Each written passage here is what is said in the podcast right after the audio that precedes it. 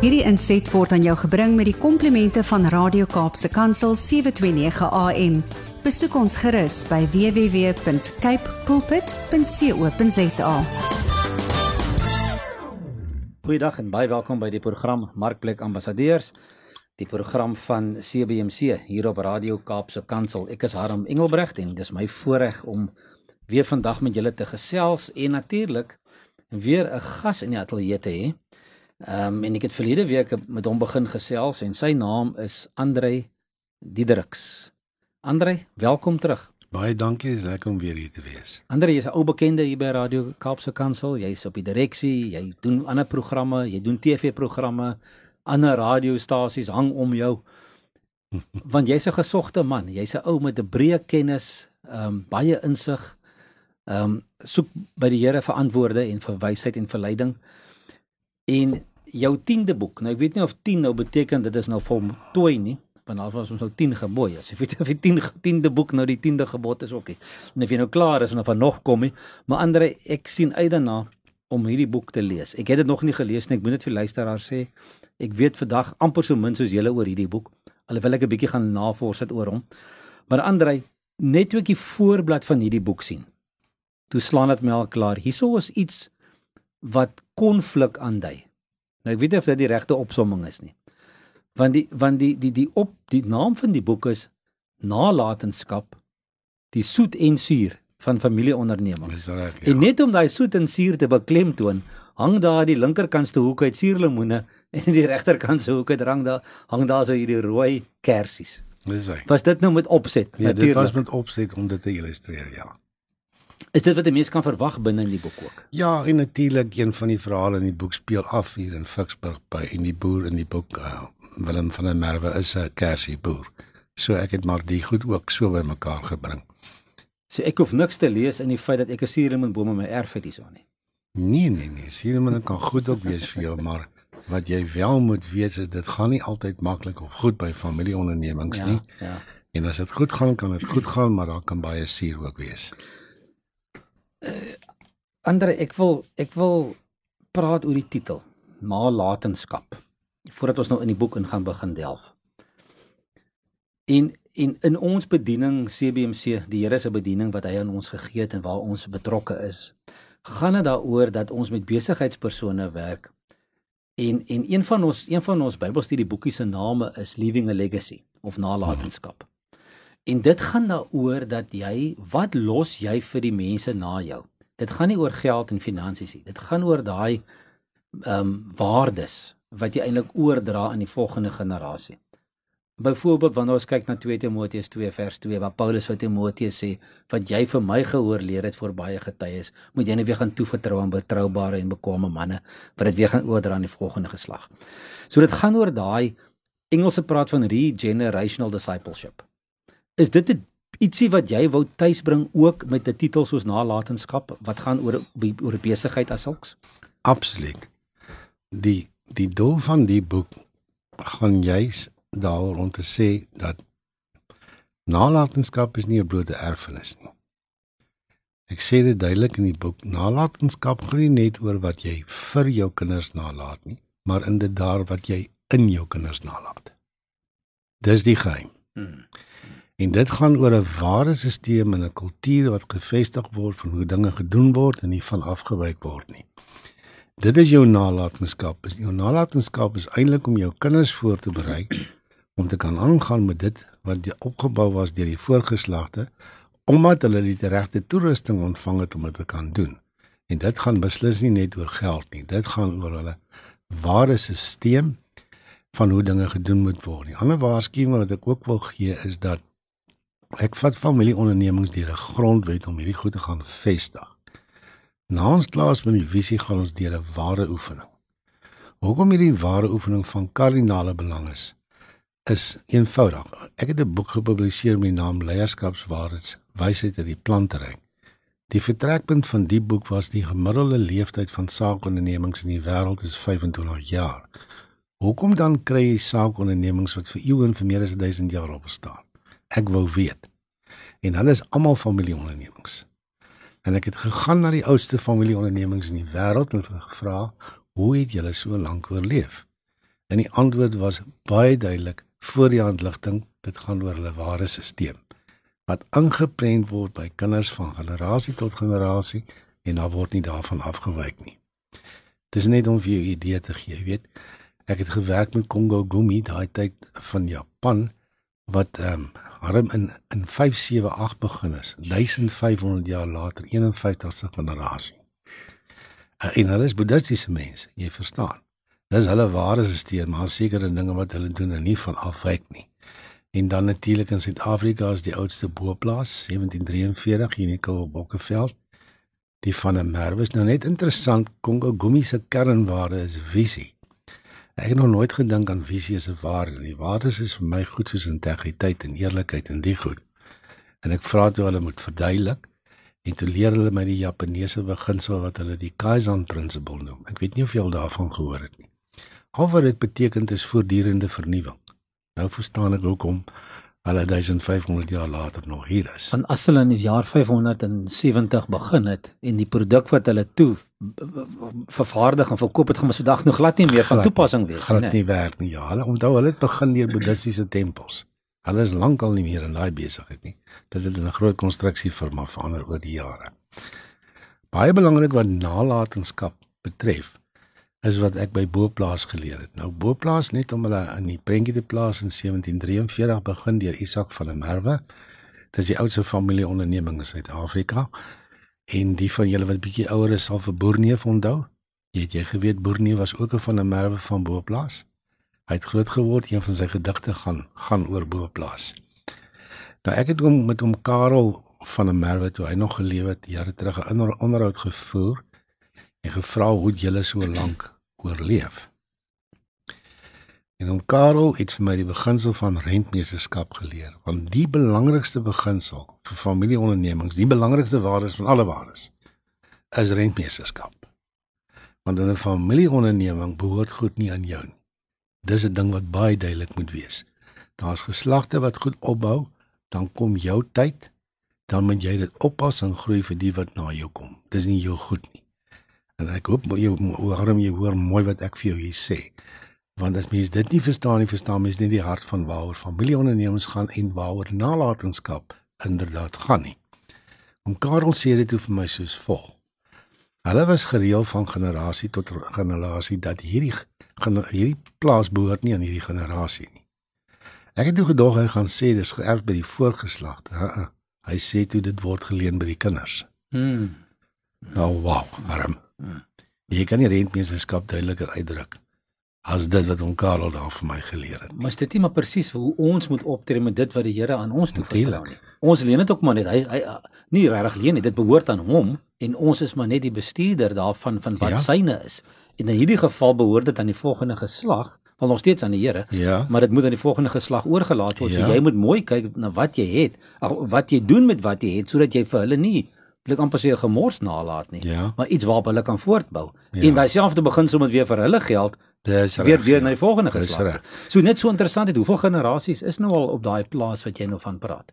Trek nou al by die 5de 60ste. Nee, boplaas is die 11de generasie al gebore. 11de generasie. Ja. ja. Die kleintjies is nou daar's nou 'n week of wat terug weer enetjie gebore. ek is trustee by boplaas. Hulle was toevallig ook my heel eerste kliënt, so ek weet alles van boplaas ja, se mense. Ja. Ja. En wat daar aangaan. Net gou vinnig oor die werk wat jy doen en ek wil terugkom na die boek toe wat jy baie nou gepraat het toe. Onthou ek ek het met iemand gesels eendag wat in 'n familieonderneming staan. Dis nie 'n boerdery nie, dis 'n gewone familieonderneming. En ehm um, en die oom se of die die die ouetjie wat ek nou ken se se se paas toe skielik oorlede, onverwags. En hy en sy sy pa en sy ma en die drie broers was direkteure van die maatskappy. En ek vra toe vir hom, nou sê vir my nou maar, hoe gaan julle nou aan met die besigheid? Jou pa was nou so key ou en die, hmm. die sê vir my Andre Diedriks het 2 maande terug met ons kom sit of 3 maande terug en vir ons ah, verduidelik okay. hoe om die proses hoe om alles in plek te kry en dag toe my pa sterf toe gaan ons aan asof niks gebeur het nie. Wonderlik. In die besigheid natuurlik. Van in die ja. familie was hom natuurlik maar obviously smart ja, en ja. hulle mis hom, maar in die besigheid kon hulle voortgaan omdat jy vir hulle 'n struktuur neergesit het en iets waarmee hulle kon aangaan. So ek wil net dit vir jou noem. Ja, um, baie dankie. Dis dis goed om sulke goed te hoor. Jou, jou naam loop daar buite hoor. Dankie man. Dit vat my nou al 30 jaar om dit so ver te kry, nee. Andre, om terug te kom na die boek toe. En en jy het net oor gepraat oor oor oor uh, familieondernemings en ek wil net gou 'n vraag vra op familieondernemings voordat ons gaan na na na wat jy skryf hier. En en die gedagte is mos maar as dit plaas is, weet die volgende geslag sal maar weer boer. Nou gebeur dit die volgende geslag wil nie boer nie of daar is nie 'n volgende geslag nie. Hoe hanteer 'n familie dit? Ehm um, sonder om dit uit die bloedlyn uit weg te vat, kan ek maar amper vra. Ehm um, moet hulle nou kom ons sê daar's nou net 'n dogter en sy wil nie boer nie en en sy die man wie sy trou wil nie boer nie, hy's 'n veearts of 'n dokter iewerster. En nou sit hulle met met hierdie boerdery. Ehm um, wat sy nou nie regtig graag uit die familie uit wil laat gaan nie. Uh maar nie sy en en en en, sy het nou waarskynlik ook die kinders eendag nie. Kom ons vat nou maar daai scenario. Sou jy voorstel dat daar 'n trust gestig word waarvan die sy en niggies en neefies nou maar voor 'n uh, uh, tipe van uh, begunstigdes is of moet 'n mens dan maar die streep trek en sê kom ons verkoop die besigheid in ons kolle te dui. OK, jy, jy besef nie maar jy vra nou eintlik 'n klomp vrae vra aan een. Daar's twee prosesse wat die beste praktyk is. Die eerste is om die grondwet saamgestel word. Een van die afdelings in die grondwet bepaal die reëls oor opvolging. Nou wat ons daar gewoonlik doen, hierdie les was eintlik deur Raymond Ackerman in my kop geplaas 'n klomp jare terug want ek het 'n TV onderhoud op kyk uh, ontbytsake met hom gevoer en hom gevra hoekom het nie een van sy kinders oorgeneem as die CEO van Pick n Pay nie. Hmm. Dan lees hy hierdie oom se wysheid. Hy het gesê die besigheid is daar om welvaart vir die familie te skep. Wie ook al die beste persoon is om dit te doen, sal dit doen of hy nou familie is of nie. Nou dit is wysheid. Jy verstaan. Die familie bly nog steeds die aandeelhouers en hy rapporteer nog steeds aan die familie. En hy het gesê opvolgers moet aan twee goed voldoen. Nou vat ek jou nou wat jy nou sê. Hulle moet bereid wees. Hulle moet nou gewillig wees en hulle moet bevoeg wees. So dit help nie hy kan maar hy wil nie of hy wil maar hy kan nie. Daai ding van jou sê daar is nie. Hmm. En dit het ons geleer om in die grondwet die ding in te skryf en daar is generasies, daar's kliënte met wie ek werk met sulke dinge. Maar 'n generasie is waar daar nie onmiddellik iemand beskikbaar is, 'n bloedverwant wat kan aangaan nie. Die grondwet laat jou nou toe om 'n persoon aan te stel om met namens die familie te bestuur tot tyd en wyl 'n natuurlike opvolger weer beskikbaar is wat die vermoë en bereidwillig is. So familieondernemings hoef nie daai besighede te verloor net omdat op daai stadium nie iemand beskikbaar is nie. Dan in die opvolgplan. Omdat die grondwet word nou vir alle generasies vorentoe geskryf, wanneer ons 'n opvolgbeplanning doen, want dis die twee goed wat ek doen. Ek doen die grondwet en dan dan doen ek die opvolgbeplanning. Wanneer ons die opvolgbeplanning doen, word hy vra baie pertinent gevra. Alle moontlike lewensge lewensgebeure moet aangespreek word. Ek van vra, okay, as pa vandag doodgaan, wie gaan wat oorneem? Ek wil in detail weet wat aangaan. Wat is plan B? En dan gaan ek 'n stap verder en vra, "Oké, okay, as jy die opvolger vandag doodgaan, wat gaan dan gebeur?" En meeste van hulle het nie 'n plan in plek daarvoor nie. Wanneer ek opvolgbeplanning doen, dan dwing ek hulle om klaar plan B te hê om alles te beantwoord. En as jy nou 'n antwoord nie, nou ons nie op dat ons antwoord kry nie. Jy weet dis byvoorbeeld die boer hier naby Parel, gaan nou nie sy naam noem nie, wat uh se seentjie 10 jaar oud is en toe ons so sit en praat en ek vra ook en as jy iets oorkom te sê nee dan te sê nee my vrou maar verder boer sy val omtrent van haar stoel af en sê maar jy's heeltemal laf wat weet ek van boerdery af en sy seentjie is 10 jaar oud ek het hom op die ouend gedwing om iemand te identifiseer wat kan oorneem tot tyd en wel sy en nog kan oorneem dis die goed wat in opvolgbeplanning gedoen moet word daarmee hoor dis ook maar opvolgplan is nie sommer net nie Hy moet alle moontlike lewensgebeure aanspreek en dit is belangrik dat jy in jou grondwet reeds reëls maak vir opvolging. Kyk, daar's twee goed. Ons praat, praat eintlik van business transition, nê. Nee. In die koöperatiewe wêreld praat ons net van leierskapstransisie. Jy moet maar leiers vervang, maar 'n familieonderneming gaan dit oor leierskap en oor eienaarskap wat dit ingewikkeld maak. Jy jou planne vir daai goed moet in plek wees, jy praat van trusts, Ek is 'n baie groot voorstander van trusts by familieondernemings. Om 'n eenvoudige rede is ek wil die dinge uit die ouens se boedels uit hê en ek wil nie al hierdie kostes hê elke keer as jy generasies oorgaan dat die goed weer geregistreer moet word en al daai kostes wat daarmee saamgaan nie. 'n Trust kan mos nou nie doodgaan nie. So in 'n ideale wêreld, vat by kom ons vat byvoorbeeld boerdery sal jy 'n trust hê en jy sal 'n bedryfsmaatskappy hê. En die trust sal die enigste aandeelhouer van die bedryfsmaatskappy wees. Jy hoor wat ek vir jou sê. Jy doen nie besigheid in 'n trust nie want sy belastingkoers is heelwat hoër as 'n maatskappy sin. Jy doen dit in die maatskappy, maar die trust is die enigste aandeelhouer. So niks wat in daai maatskappy lê kan jou boedel opeindig nie want die trust kan nie doodgaan nie. Dis ons normaalweg hierdie goed doen.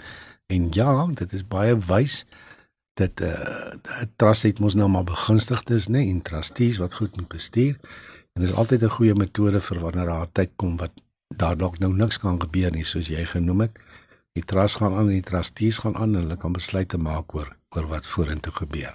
Maar dis 'n verantwoordelike ding om te doen vir vir 'n boer of vir die eienaar van hierdie onderneming om sy vrou dit makliker te maak die dag as hy nie daar is nie. Dat sy nie rond te val en rond te skarrel en planne te maak nie.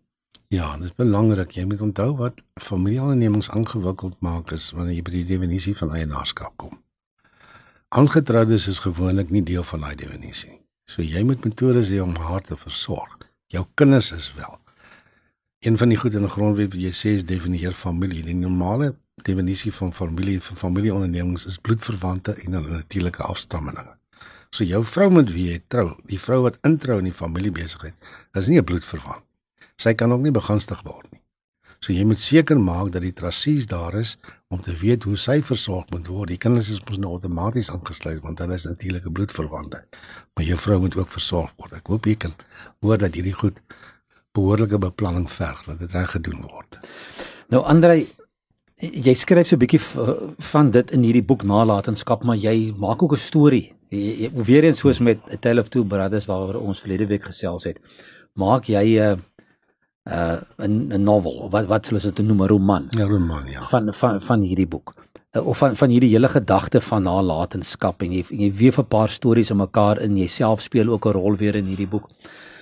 Wat is die wat is die groot kom ons vra eers die die rede agter die skryf van hierdie boek? En en wat wil jy eintlik bereik? Wat sou die groot takeaway wees wat jy wil hê 'n ou moet hê as hy hierdie boek gelees het? OK, daar's baie metodes wat ons probeer om mense aan te moedig om die regte dinge te doen, die beste praktyke te volg. Ons het mos nou maar werkswinkels en ons skryf artikels en al hierdie soort van goed. Jy ken dit mos nou maar, nee. Maar ek het nou al meer as 400 familieondernemings gekonsulteer in die land. So daar's niks wat ek nog nie beleef het nie, glo my. En baie van dit is is konflik wat ek mee hanteer. En ek het toe besluit en ek dink is baie bly dat die Here my tot daai besluit gelei gelei, gelei het om hierdie lesse te begin oordra in storieboekvorm. Want mense verwerk dit net soveel makliker.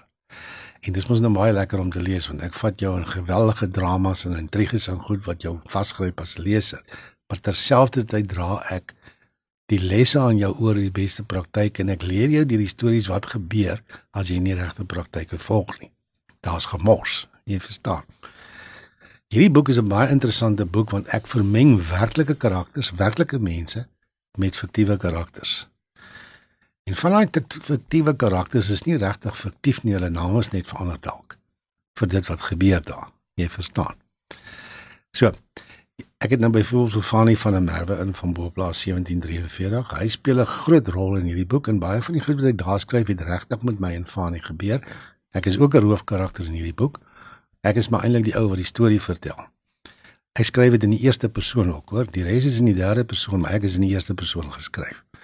En jy moet onthou, 'n skrywer is eintlik maar net die som totaal van jou ervarings. Nou, ek is amper 30 jaar hiermee die mekaar en meer as 400 konsultasies het ek baie beleef en weet nou al wat gedoen moet word en wat nie gedoen moet word nie. Dan het ek byvoorbeeld die Tile familie gevat, die Duitsers daar van Lunenburg en Mpumalanga vat ek die fys, leser fisies deur die hele konsultasieproses van die grondwet tot die opvolgplan.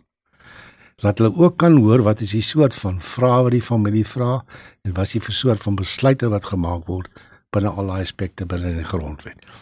Dan vat ek die leser ook deur die ons opvolgbeplanning in mekaar sit dat hulle kan sien wat in die praktyk gebeur en hoe, hoe goed moet aangepas word. So daar's baie lesse wat wat oorgedra word.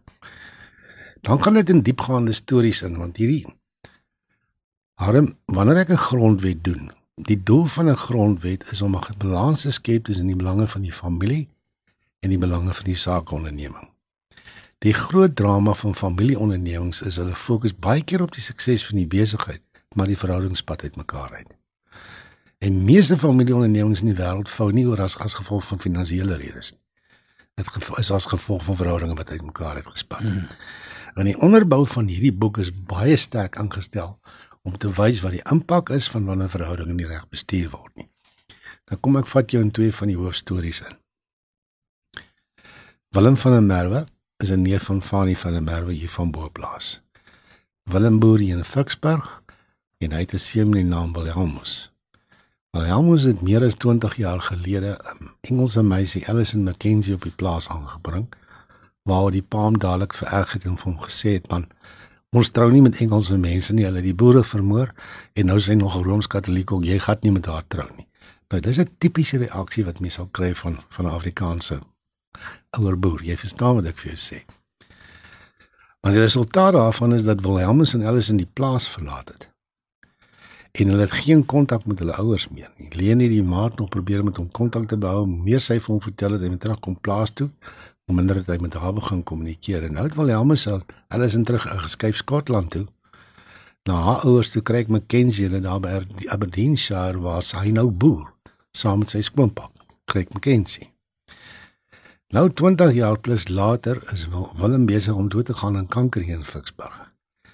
Maar daai onder daai daai skeiding tussen hom en sy seun is besig om meer aan hom te vreet as die kanker wat binne in sy lyf is. Ek kan nou dink met wat sy skuldgevoelens sit daai ou nou. En nou besef hy het net een wens in die lewe nog oor en dit is om sy seun weer te sien en met hom te versoen. En so kry Fanny van der Merwe die oproep En so kry ek die oproep van Fani af en so begin ek my kontakte gebruik deur die wêreld om hulle opgespoor te kry in in, in Skotland en dan die hele storie wat plaasvind oor ons hierdie ding moet verstoen. Dit moet die ouens nou maar in die boek gaan lees. Maar dit is nogal die beliggend en baie emosioneel. Die ander storie waarmee ouens hulle ook sal kan vereenselwig is Dries Bekes is 'n boer hier by Middelburg. Hy het net 'n boerdery en ander besighede ook in Mpumalanga. Hy's baie gelukkig getrou, getroue kerksman dien op die kerkraad, wonderlike verhouding met sy vrou Lisa en sy twee seuns David en Driesman. En ehm um, is doodgewone goeie mens, maar toe hy student was baie jare voor dit, paar dekade terug, het hy het, hy uit by Pikke studeer het, hulle gegaan na die Oktoberfees toe in München in Duitsland. En daar het hy die aand met Marie, 'n Duitse meisie, oor die tou getrap.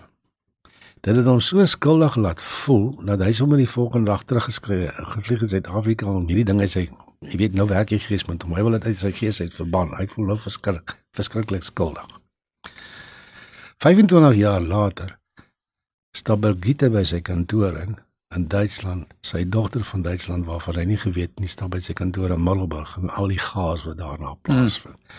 dis om jou net in twee van die stories in te vat van hoe die goed gebeur en hoe dit verder daarvan daarof hanteer moet word. Ek dink jy kry die prentjie.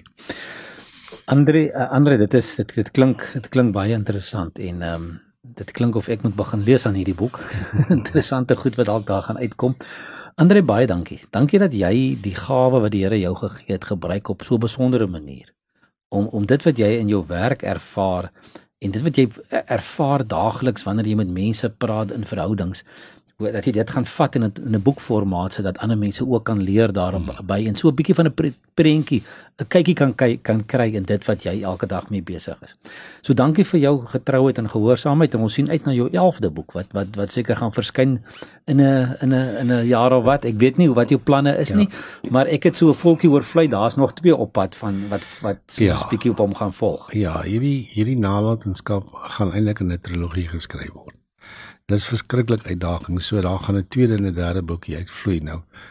Die uitdaging is om die eerste boek klaar te maak dat die leser nie voel die storie is nie klaar nie, maar dat hy ook kan kan aangaan. Am, amper soos Dallas destyds. Dit was 'n uitdaging geweest want hierdie is tipiese is 'n tipiese radioverhaal ja, en TV-verhaal hierdie weer. Ja, jy kan dit mos sommer optel, né? Nee. Ja, ja. Andre, baie dankie.